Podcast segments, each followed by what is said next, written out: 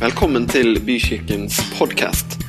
For mer informasjon om oss cvvvbykirken.no.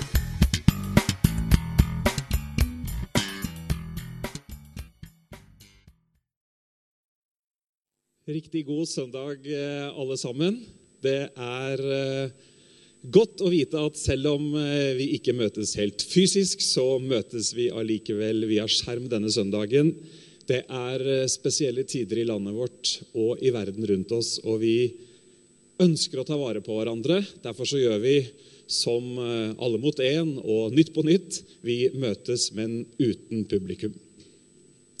Vi tror nemlig at nettopp akkurat i tider som dette så er det så viktig for oss og så bra å rette blikket oppover mot vår Far i himmelen. Han bryr seg om oss, og han har definitivt noe han ønsker å si til oss midt i en situasjon som vi kanskje opplever som krevende. Han har gitt oss løfter, han har gitt oss sitt ord som vi kan holde fast til. og Derfor så har vi lyst til å ta noen minutter sammen nå på denne måten, hvor vi eh, retter blikket og fokuset mot Han. Jeg har lyst til å dele noen bibelvers eh, med dere helt i starten her. I Johannes evangelium så står det La ikke hjertet bli grepet av angst. Tro på Gud og tro på meg. Litt seinere i det samme kapittelet, i kapittel 14, så sier Jesus, 'Min fred etterlater jeg dere. Min fred gir jeg dere. Ikke den fred som verden gir. La ikke hjertet bli grepet av angst og motløshet.' Det er så mange tanker som kan gjøre seg gjeldende i en periode som denne. Og så er det så godt å vite at Gud han har gitt oss noen løfter. Han ønsker at vi skal få oppleve at vi har et trygt ankerpunkt i livet midt inne i en sånn situasjon. Vi møter sånne situasjoner som det her annerledes eh, enn sidemannen. Vi er ulikt skrudd sammen. Og nå skal vi be sammen, alle sammen. Der hvor du sitter eh, i din sofa, så kan du være med og be. Og så skal vi be for situasjonen i landet vårt, og vi skal be for hver enkelt en som har ulike behov og følelser akkurat nå. Kjære Far i himmelen, vi takker deg for at du bryr deg om oss. Takk for at du vet hvordan vi har det. Du vet de som føler seg sterkt påvirket, Herre, og som er bekymra midt oppi denne situasjonen. Og du vet om andre som har tanker som gjør dem urolige på ulike måter. Herre, nå ber vi deg for landet vårt. Vi ber deg for situasjonen i verden. Vi ber deg for storting, ledelse i nasjonen vår. Og vi ber virkelig om at du skal være til hjelp for alle dem som søker deg nå. I Jesu navn. Amen. Vi er midt inne i eh, et opplegg denne våren her i Bykirken som heter 100 dager med Jesus. Vi er eh, så vidt i gang. Dette er eh, to uker er unnagjort, og så er det 13 uker framover hvor vi leser en bok sammen med små, korte stykker. Vi lar oss oppmuntre av de fantastiske sidene av personen Jesus som vi ser nedskrevet i Johannes evangeliet. Og akkurat nå, disse dagene, så er det utrolig godt å vite at vi faktisk sammen som kirke så leser vi noe, og vi er litt på samme side, og vi kan også oppmuntre hverandre i troen vår. Og dager som dette gir oss kanskje nettopp litt mer tid til å fordype oss, til å gå nærmere både i Guds liv og åndsliv. Og da er 100 dager et utrolig godt verktøy. Vi har solgt mange bøker. Og Hvis du tenker at ja, men dette her har jeg lyst til å hive meg med på, så har vi noen få bøker igjen, og du kan kontakte oss her i Bykirken for å få tak i en av de i løpet av de neste dagene som kommer. Eh, så skal vi hjelpe deg med det og ordne, ordne det. I dag så er det Magnar Karlsen som skal eh, forkynne for oss. Og Fokuset i dag det er fokuset inn mot det vi skal lese sammen i ukene som, eh, dagene som kommer i denne uka. Så da sier vi Vær så god til deg, Magnar.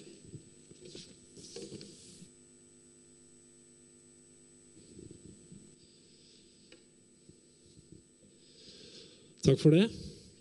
Ja, Her er det tom sal, men eh, jeg vet du er der på andre sida, så jeg håper vi skal få delt et godt budskap sammen eh, den formiddagen her. Eh, ja, jeg er i hvert fall i gang, og vi hjemme hos oss vi leser 100 dager med Jesus om dagen og har stor glede av det. Og det er utrolig fint å tenke på at vi leser det samme. Veldig mange av oss som er med på den 100-dagersreisa, vi leser Eh, de samme små stykkene hver dag. og Det syns jeg er utrolig fint å tenke på. Og Nå ble det litt ekstra fint, nå som det er eh, situasjonen som den er, hvor vi er spredd for alle vinder. At vi, at vi har det limet, da, at vi leser sammen. Og Den uka vi skal gå inn i nå, eh, det er jo del to av Hva ville han? Og overskriften er 'Nye muligheter'. Og det skal vi snakke litt om i dag. Fordi historien om Jesus er jo det er historien om en ny begynnelse, det å få en ny start. Eh, og selve historien om Jesus er jo helt usannsynlig, egentlig. Eh, det er budskapet, påskebudskapet om at Guds sønn kommer. Han dør. Da er det vanligvis slutt. Og så står han opp igjen den tredje dagen og lever videre. Eh, døden det skulle jo vanligvis forutsette at alt er over. Det er slutt. Men eh, det er der historien om Jesus egentlig starter. Det er jo etter hans død at det store mirakelet egentlig har skjedd. Og Derfor har det her vært, eh, Gjennom hele kirkehistorien så har det her vært kirkens budskap. At du kan komme, og du kan få en ny start. Det er det det handler om. Det er det evangeliet basically handler om. Det handler om å få en ny start. Det handler om å få en mulighet til å begynne helt på nytt. Og det er så fint, fordi at det er så, eh, det er så motsatt av hvordan livet ofte er. Da. Eh, for veldig mange ganger så er det jo sånn at det skjer ting. Eh, og vi gjør ting som, som er på en måte litt sånn ugjenkallelige. Ting vi ikke kan ta tilbake. Feil som skjer. Katastrofer som oppstår. Kriser som skjer. Og så er det på en måte Det kan være game over. Det er slutt. Det er liksom ikke noe mer å hente. Og så er dette budskapet som kommer da med evangeliet, med Jesus, det er Nei, det er ikke slutt når det er slutt. Det kan skapes nye muligheter. Når alt er dødt, når alt er over, det er da Jesus sto opp fra de døde. Og det er det kristne håpet sånn helt sånn I enden på alt da, så er ikke døden slutten for den som tror. Det er et nytt liv på andre sida. Da snakker vi om evighet, men det skal vi ikke bruke tid på i dag. Men eh, det står et vers i Bibelen som Paulus skrev om Abraham. Abraham blir jo kalt for troens far. Og Det står noe veldig fint om han, for Nå skal vi ikke gå gjennom historien med Abraham, men han kom i en sånn ekstrem situasjon. Og så skriver Paulus i Rombrevet 4,18 at selv om alt håp var ute, holdt Abraham fast på håpet og trodde. Derfor ble han far til mange folkeslag. Og Det syns jeg er et utrolig fint vers. Fordi at ofte så prøver vi på ting. Vi sliter, og vi jobber, og vi prøver å få ting til her i livet. Og så er det noen ganger hvor vi kanskje kommer, og så sier vi Vet du hva, nå er alt håp ute. Nå er det, nå er det slutt. Alt håp er ute. Og Det er da det er så utrolig fint at det står at når alt håp var ute, så holdt Abraham fast på håpet allikevel og trodde. Og så skjedde det et mirakel. Vi skal snakke litt om, jeg skal faktisk bruke denne lille stunden vi har sammen til å snakke litt om mirakler. Fordi historien vi skal bruke og lese om snart, det er et mirakel. Men jeg tror at i løpet av livet så er det jo veldig mange av oss som er i situasjoner hvor vi ønsker at vi kunne, vi kunne starte på nytt. At vi kunne gjort noe annerledes. Eh, det finnes også mange mennesker som kanskje sier jeg ville ikke gjort noe annerledes. Alt har blitt bra. Eh, jeg tror ganske mange av oss også er ved punkter i livet hvor vi opplever at åh, det der skulle jeg gjerne hatt ugjort. da. Og da jobber vi eh, for å få det til. Noen ganger har vi kanskje gjort ting vi angrer på tidligere i livet, som har fått konsekvenser for oss. Og vi sier kanskje at åh, det der det skulle jeg hatt ugjort. Det, det skulle jeg ønske aldri hadde skjedd. Og så er vi på en måte litt sånn brennmerka. Vi går gjennom livet med en eller annen opplevelse av noe vi var med på, noe som skjedde, som vi ikke får tatt tilbake igjen. Andre ganger så er det mer kanskje at vi har, bare, vi har kjørt oss fast. Det kan, det kan jo gjelde så mange ting. Vi har kjørt oss fast. Vi ønsker å begynne, begynne på nytt. Det kan være, kan være, jobben vår, kan være økonomien vår, det kan være relasjoner vi har, det kan være, kan være ekteskapet vårt. Ting har kjørt seg fast, og så får vi lyst til å begynne på nytt. Eh, og Noen ganger så er det jo helt fint det, å begynne på nytt og prøve å få til det. Og Andre ganger så begynner vi på nytt, og så, og så blir det egentlig ikke noe særlig bedre. Vi kommer på andre sida. Vi har noen sånne ordtak som er helt sånn uh, allment uh, brukt av alle, enten du tror eller ikke tror. Det er, altså, Gresset er ikke nødvendigvis grønnere på andre sida av gjerdet. Og nissen følger med på lasset. Og mange ganger så er det sånn at Når vi prøver å begynne på nytt, så blir det litt sånn at Nei, det ble egentlig ikke noe bedre. Eller jeg fikk de samme problemene med arbeidskollegaene mine på den nye jobben som jeg hadde på den forrige jobben. Det er sånne ting som kanskje følger med. Selv om vi prøver å lage oss en ny sjanse. Noen ganger så lykkes vi bra med å skape oss nye sjanser, men andre ganger så er det der å få en ny sjanse og en ny begynnelse. Det er ganske vanskelig. Det er ikke så lett å få til. Eh, vi skal gå inn i dagens historie. Og den, den historien den handler om en ny sjanse. Eller handler om en ny begynnelse på noe som holder på å ta slutt. Og den historien her den er faktisk ganske viktig. For den historien vi skal lese om, det er historien om bryllupet i Kana da Jesus gjorde sitt første mirakel da han gjorde vann til vin. Og Det er alltid sånn i Bibelen at når noe skjer for første gang, så skal vi legge ekstra godt merke til hva som skjer. Fordi at når noe blir sagt noe om, eller skjer første gang i Bibelen, så er det gjerne retningsgivende for eh, alt som kommer etterpå i samme kategori. Så når det her er det første mirakelet som Jesus gjør, så er det et viktig mirakel i seg, men det er også viktig fordi det er det første mirakelet han gjør. og Det på en måte forteller noe om alt som skal komme seinere. Så vi skal lese fra Johannes evangelium kapittel 2, vers 1 til 11. Der står det. Den tredje dagen var det bryllup i Kana i Galilea. Jesu mor var der. Også Jesus og disiplene hans var innbudt. Da vinen tok slutt, sa Jesu mor til ham, 'De har ikke mer vin.' Jesus sa, 'Kvinne, hva vil du meg? Min time er ennå ikke kommet.' Men moren hans sa til tjenerne, 'Det han sier til dere, skal dere gjøre.'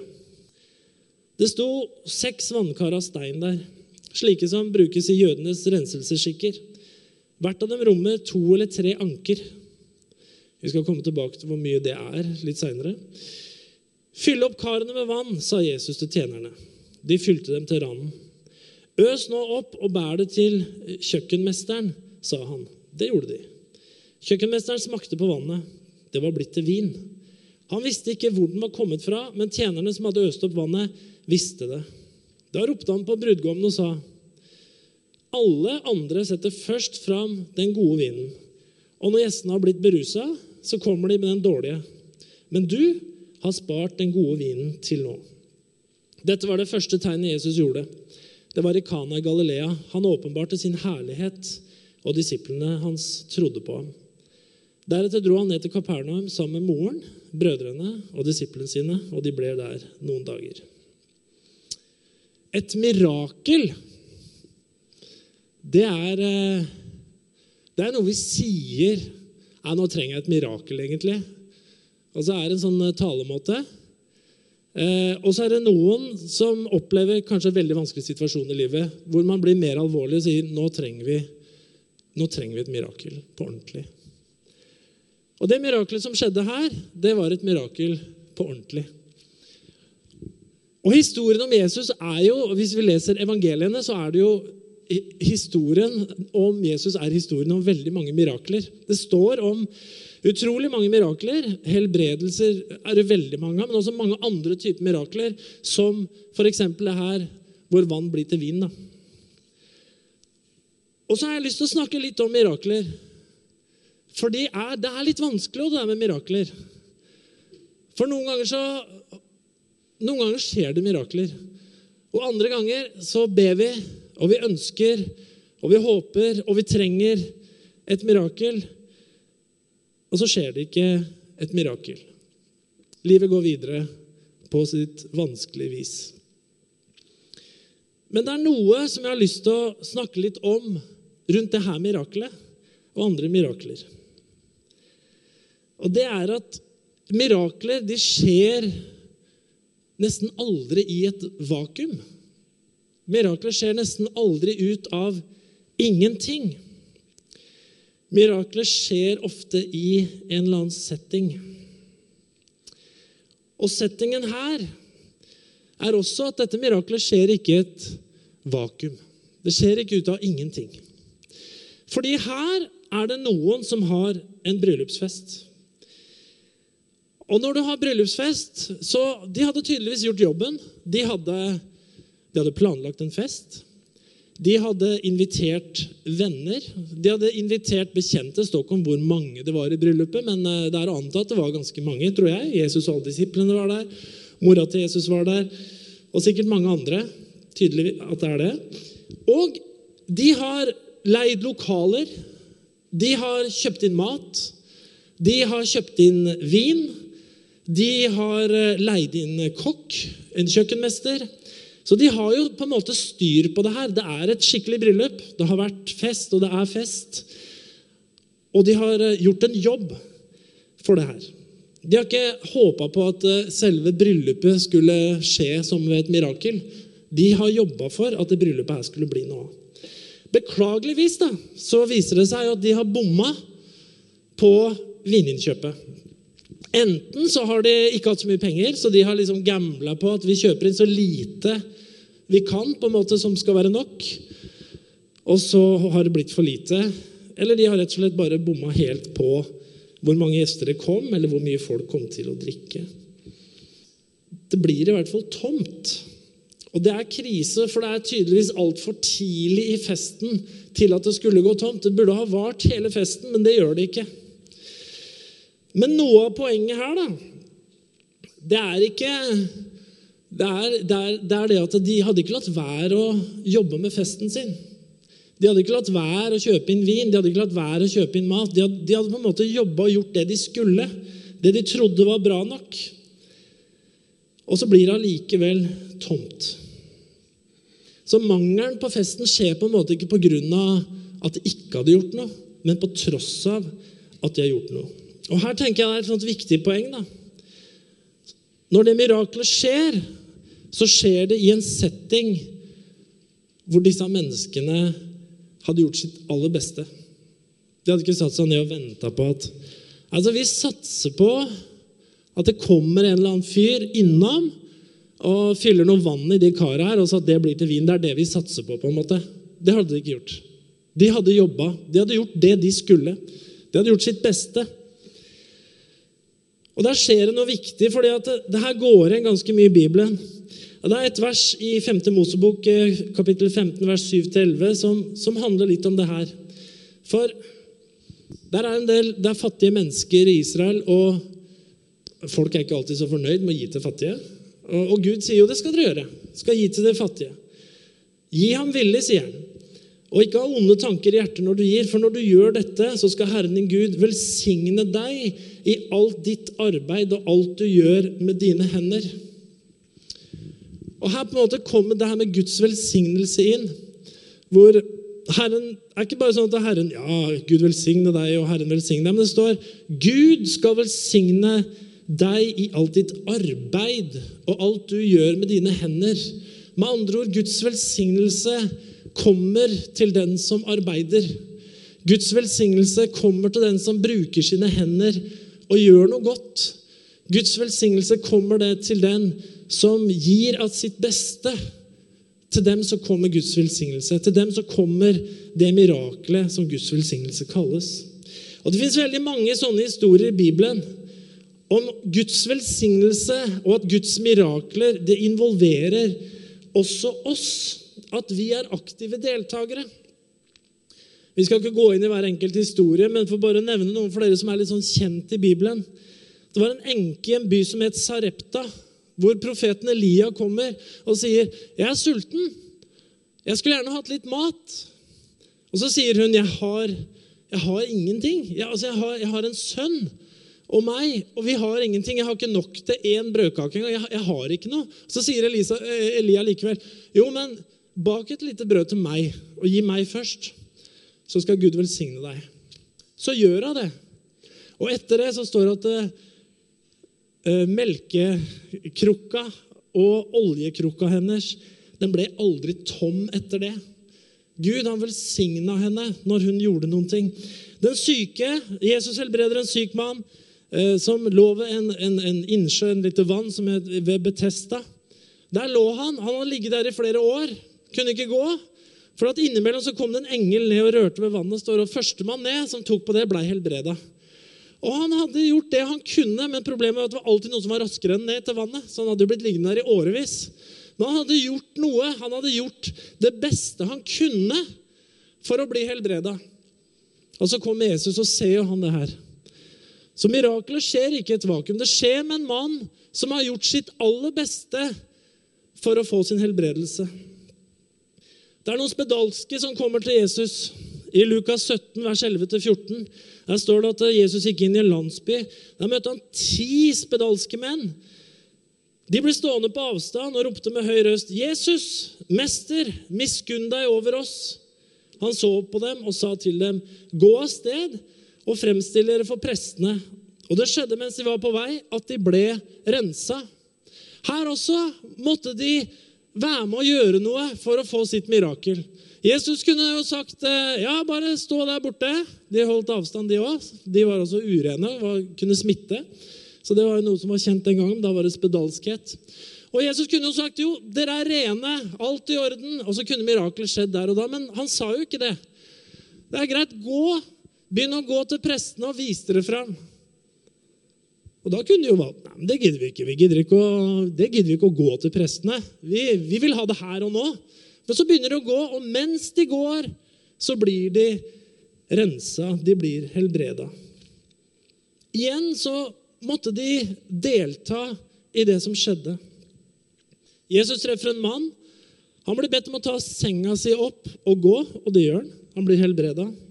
Og alle disse versene det er på sett og vis en eller annen versjon av det som står i Matteus 7, vers 7-11. Be, så skal dere få.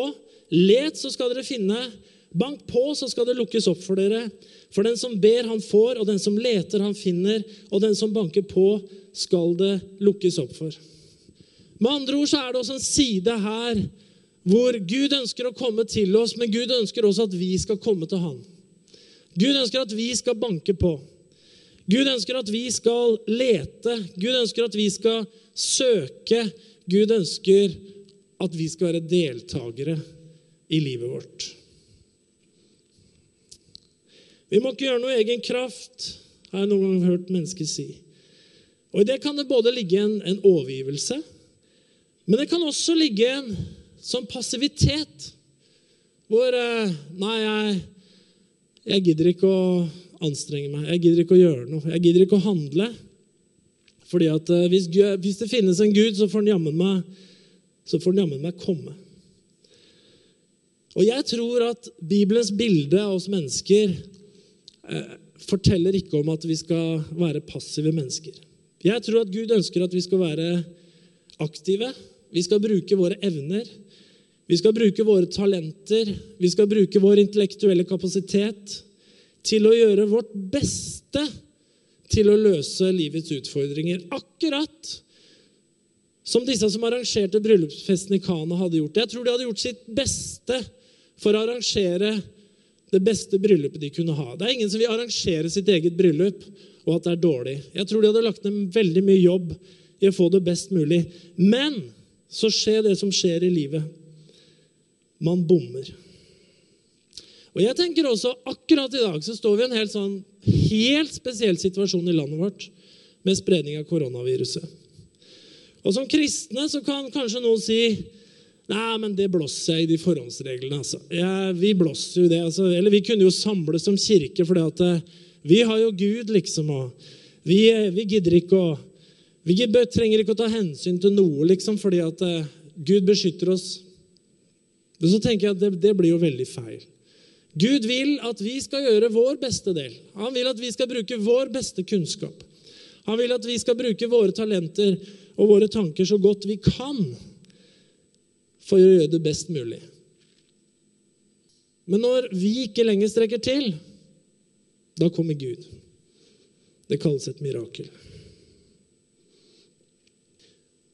Det andre som slår meg i historien, det er noe som er veldig fint. Og det handler om overflod. Fordi det vil jeg gjerne ha med fra denne historien. For Jesus, Jesus hadde jo ikke tenkt egentlig å gjøre et mirakel denne dagen. Det er ganske tydelig at Jesus kom ikke i det bryllupet og tenkte nå er tida inne hvor jeg skal vise folk hvem jeg egentlig er. Et bryllup er en ganske bra anledning. Der er det sikkert folk fra litt nær og fjern og mange mennesker samla. Så gjør et mirakel på et bryllup, da, så får du ganske bra publisitet, får fort spredning, får mange likes. Men Jesus eh, var ikke i bryllupet for å gjøre mirakler. Han, eh, han, var gjest. Det er ingenting som tyder på at han hadde noe agenda på å gjøre et mirakel i det hele tatt. Faktisk motsatt. Men så skjer jo det her, eh, den krisa, da. Det er tomt for vin. Og da kommer jo mora hans, selvfølgelig. Hun kommer. Maria var kanskje den eneste i det bryllupet som egentlig skjønte hvem Jesus var. Hun hadde født han som jomfru, så hun på en måte hadde den kunnskapen ganske godt inne. Men Jesus hadde ennå ikke gjort noen mirakler, så hun, eh, hun visste vel egentlig ikke altså Er det mirakler som kommer til å kjennetegne Jesus? på en måte? Men i denne situasjonen så kommer jo Maria, og hun sier bare 'Det er tomt for vin'. Jesus! Og Jeg syns svaret hans er relativt avvisende. Det er ikke liksom 'mamma, hva snakker du om?' Det er liksom 'kvinne, hva vil du med meg?' Og eh, 'min time er enda ikke kommet'. Det var liksom det svaret vi fikk, da. Men eh, som eh, ganske mange mødre er, da, så hører de ikke på sønnene sine. Så hun kaller seg tjenerfolka og sier Kom her. Nå gjør dere bare det han sier. Altså Jesus sa jo ingenting. Nå gjør dere det han sier, og så ordner det seg. Så det virker som om Jesus da er litt sånn, litt sånn motvillig, da. Ok, da. Ok, da. Fyll opp de, fyll opp de kara med vann, sier han. Det står seks kar som er tomme der. Eh, de kara de eh, står det at eh, inneholdt mellom to og tre anker. Det er jo en måleenhet. da. Eh, og ett eh, anker er ca. 37 liter. Så hvis vi regner et snitt på 2,5 liter og så har vi det oppi Så er det to-tre anker da, ikke sant, oppi disse seks kara. Så, så, havner vi Så havner vi på 555 liter med vin. Seks anker ganger 37 liter ganger 2,5 anker i hvert kar. 555 liter med god vin. Det var mer enn eh, tre sånne pappviner fra Vinmonopolet. Det var ganske mye. Det ble overflod, med andre ord. Og det her er også, det her er også viktig, da, for det her forteller noe om Jesus. For når Johannes litt seinere i Bibelen, altså i Johannes evangeliet, skriver om Jesus, eller står, så sier Jesus tyven kommer bare for å stjele, drepe og ødelegge. Men jeg er kommet for at dere skal ha liv og overflod. Og Det her kan jo brukes på mange måter, det med overflod, men hele, hele historien her forteller at når Jesus kommer inn i situasjonen han faktisk handler og gjør noe, så gjør han det i overflod. Han gjør, han gjør mye av det. Det blir mer enn nok til alle. Og det var ingen mer spørsmål om mangel i resten av det bryllupet. Jesus gir overflod. Et poeng til fra denne historien er at det var nettopp vin. Nå er det veldig mange bilder i Bibelen som brukes fra naturen og når det gjelder mat osv. Og, så og vin er jo et av dem. Og Gjennom hele Bibelen så er vin det er stort sett et symbol på liv og glede. Og Historien om bryllupet er på den måten mer enn en historie om et bryllup. Det handler like mye om at den vinen som de sjøl hadde skaffa, den tok slutt. Det livet de sjøl hadde skaffa, den gleden de sjøl hadde skaffa, den tok slutt. Det gikk tomt. Det er da Jesus kommer med ny vin. Bedre vin. Bedre liv. Overflod. Det er på en måte den store fortellingen i denne historien. Og der finner vi igjen i den tida som vi nærmer oss påsken. Når Jesus skal ta avskjed med disiplene, så spiser de påskemåltidet. Og Det står i Lukas 22, vers 14-20. Da tiden var inne, tok Jesus plass ved bordet sammen med apostlene, og han sa til dem.: Jeg har lengtet inderlig etter å spise dette påskemåltidet med dere før jeg skal lide. For jeg sier dere, aldri mer skal jeg spise påskemåltid før det har blitt fullendt i Guds rike. Så tok han et beger, ba takkebønnen og sa, ta dette og del mellom dere, for jeg sier dere, fra nå av skal jeg aldri mer drikke av vintreets frukt før Guds rike er kommet. Så tok han et brød, takket og brøt det og ga det til dem og sa, dette er min kropp som gis for dere, gjør dette til minne om meg. På samme måte tok han begeret etter måltidet og sa, dette begeret er den nye pakt i mitt blod, som blir utøst for dere. Vinen symboliserer altså Jesu blod. Vinen symboliserer altså selve Jesu liv. Når han gir oss vinen i nattverden, så sier han dette er den nye pakt i mitt blod. Så det symboliserer selve kjernen i evangeliet. At vi bytter ut vårt syndige liv med hans liv. Vi får en ny mulighet. Vi får en ny sjanse. Vi får et nytt liv inni oss fra Gud. Vi lever jo alle våre liv. Og akkurat som de som eh, arrangerte bryllupet i Kana, så tror, jeg, så tror jeg stort sett folk, uansett hvor vi er, om vi er fattig eller rik, om vi har lykkes såkalt eller såkalt mislykkes i livet, uansett hvor vi er på den rangstigen som vi så lett bruker i livet, så, så tror jeg folk flest de gjør sitt beste for å få til livet. Men så er det noen ganger hvor det sier stopp. Og Det er da det er så fantastisk, da, når det faktisk stopper opp. Når vi kommer til veis ende og kjenner det at nå, nå er det tomt. Nå er faktisk alt håp ute. Nå har jeg drukket det siste glasset av vinen som jeg hadde, altså i livslivet mitt. Jeg har ikke noe mer å hente. Jeg har ingen ressurser igjen. Jeg har ingen kilder igjen. Jeg har ikke ett eneste sted til hvor jeg kan hente noe. Jeg husker en gang for mange år siden hvor, eh, hvor det var skrapa hjemme hos oss når det gjaldt økonomi. Og det hadde vært dager før òg, før det, hvor det hadde vært veldig lite igjen før man fikk en lønning. Da. Men det har liksom alltid vært et eller annet sted å hente penger. Det har alltid vært en ekstra konto, det var alltid noen sparepenger, det var alltid et kredittkort. Det var liksom alltid et eller annet sted man kunne hente ut de der siste kronene man trang for å få kjøpt inn det man måtte ha til husholdet. Så husker jeg en gang hvor det var skrapa, og så var det plutselig Det var helt skrapa. Det var ingen steder å hente penger. Ikke et kredittkort, som man ikke skal bruke, men som vi gjorde. Det var ingen steder å hente noen ting. Og jeg husker den følelsen. Nå er det faktisk ingen steder å hente penger. Det var en rar følelse. Og noen ganger så kommer vi dit i livet. Det bør ikke handle om hele livet vårt. Det kan være et område av livet vårt, men det kan også være hele livet vårt hvor det er tomt. Og da står Jesus der. Og da er spørsmålet om vi vet, som Maria, da, hvem Jesus er. For de som hadde invitert Jesus i bryllupet, de visste ikke egentlig hvem han var.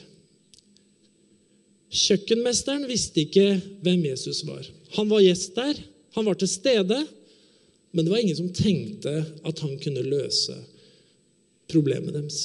Utenom Maria, da, som hadde skjønt hvem Jesus faktisk var.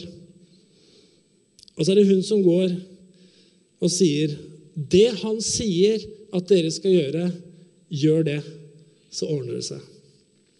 Og det er jo et spørsmål jeg må stille meg, og du kan stille deg. Vi har invitert Jesus inn i livet vårt. Vi har sagt velkommen. Velkommen til å være i mitt liv. Og han har kommet. Men når det drar på, når det røyner på, vet vi hvem han egentlig er? Vet vi hva han egentlig kan gjøre? Har vi skjønt det som Maria skjønte? Du, nå er det tomt. Nå må jeg snakke med deg. Og så er løsningen det han sier vi skal gjøre, gjør det. Da ordner det seg. Da kommer det nytt liv. For meg så er det essensen av historien. At Jesus var der. Og at han var i stand til å gjøre alt nytt når alt så så utrolig mørkt ut. Men noen måtte be han om det. Og det skal være min avslutning her nå. Der du sitter, der du er akkurat nå. Det er ikke sikkert du er der nå, men kanskje du er der. Som har Hvor det er tomt. Hvor du kjenner at nå nå har, jeg, nå har jeg ikke noe mer å hente, rett og slett. Det kan kanskje være, dreie seg om hele livet ditt, altså sånn eksistensielt. Eller det kan kanskje være områder i livet ditt hvor du har kommet til veis ende på noe, og festen er på en måte litt over. da. Men hvis du har invitert Jesus inn, så kan du komme til ham. Den som søker, han skal finne. Den som banker på, skal det lukkes opp for. Og Derfor har jeg lyst til å avslutte her med å be sammen. Og Hvis du er der og ser på akkurat nå, som har noe i livet ditt hvor du kjenner her er det tomt, så kan du ta det fram til Jesus akkurat nå. Og Hvis du lytter, eller hvis du leser i Bibelen, så kanskje du kan finne ut av hva han sier du skal gjøre. Og så kan ditt mirakel komme. Herre, vi takker deg for at du kom til verden, ikke for å sitte og se på oss, men takk for at du deltok når du var her nede. Takk for at du gikk ut på gatene. Takk for at du satte deg ned og snakka med folk. Takk for at du gikk i bryllup. Takk for at du brydde deg og var sammen med mennesker akkurat der hvor de var. Og takk for det du viste oss gjennom dette mirakelet, at du var der når allting var tomt. Jeg takker deg for at eh, du kan gi nytt liv til alle som kommer til deg. Takk for at du kan gi nytt liv til situasjoner i livet vårt som er dødt. Takk for at du kan gi nytt liv til den som ikke har liv. Vi takker deg for at vi kan komme i dag med våre mangler, komme med våre liv som er mangelfulle, og som kanskje kjennes tomme på mange områder. Jeg takker deg, Herre, for at eh, om alt håp er ute, så kan vi allikevel håpe på deg. Du kan gjøre mirakler. Jeg takker deg for eh, at vi kan løfte fram det som måtte være akkurat der vi er nå. Hjelp oss å lytte, så vi kan høre hva du har å si, så vi kan gjøre det og se et mirakel. I Jesu navn. Amen.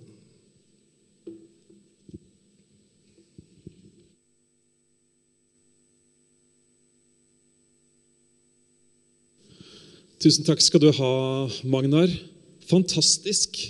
Hva ville han? Hva ville Jesus? Jo, han ville gi deg og meg nye muligheter å være en del av akkurat der hvor vi er i livet. Helt til slutt så har vi lyst til å komme med noen oppfordringer i de dagene som ligger foran oss. Aller først, ta med deg det du har hørt. Ta det med deg inn i lesningen i, i boka 100 dager med Jesus. Men dere, det er en tid hvor vi mer enn noen gang trenger å ta vare på hverandre. Ta en telefon ekstra. Sende en melding til naboen som du kanskje ikke har snakka med gjennom hele vinteren. Er alt bra med dere? Er det noe vi kan hjelpe til med? Og videre. Og så er det også sånn at om du har behov, eller om det er ting du ønsker eh, hjelp til, eller kanskje du har behov for å snakke med noen, så er også vi som menighet her. Ta kontakt. La oss høre fra deg. Gi en lyd, så skal vi stille opp eh, som best vi kan. På vei inn i uka så har jeg lyst til å bare gi deg Herrens velsignelse. Herren velsigne deg og bevare deg.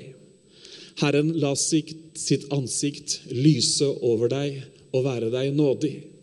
Herren løfte sitt ansikt mot deg og gi deg fred. Amen. Ha en god uke, alle sammen.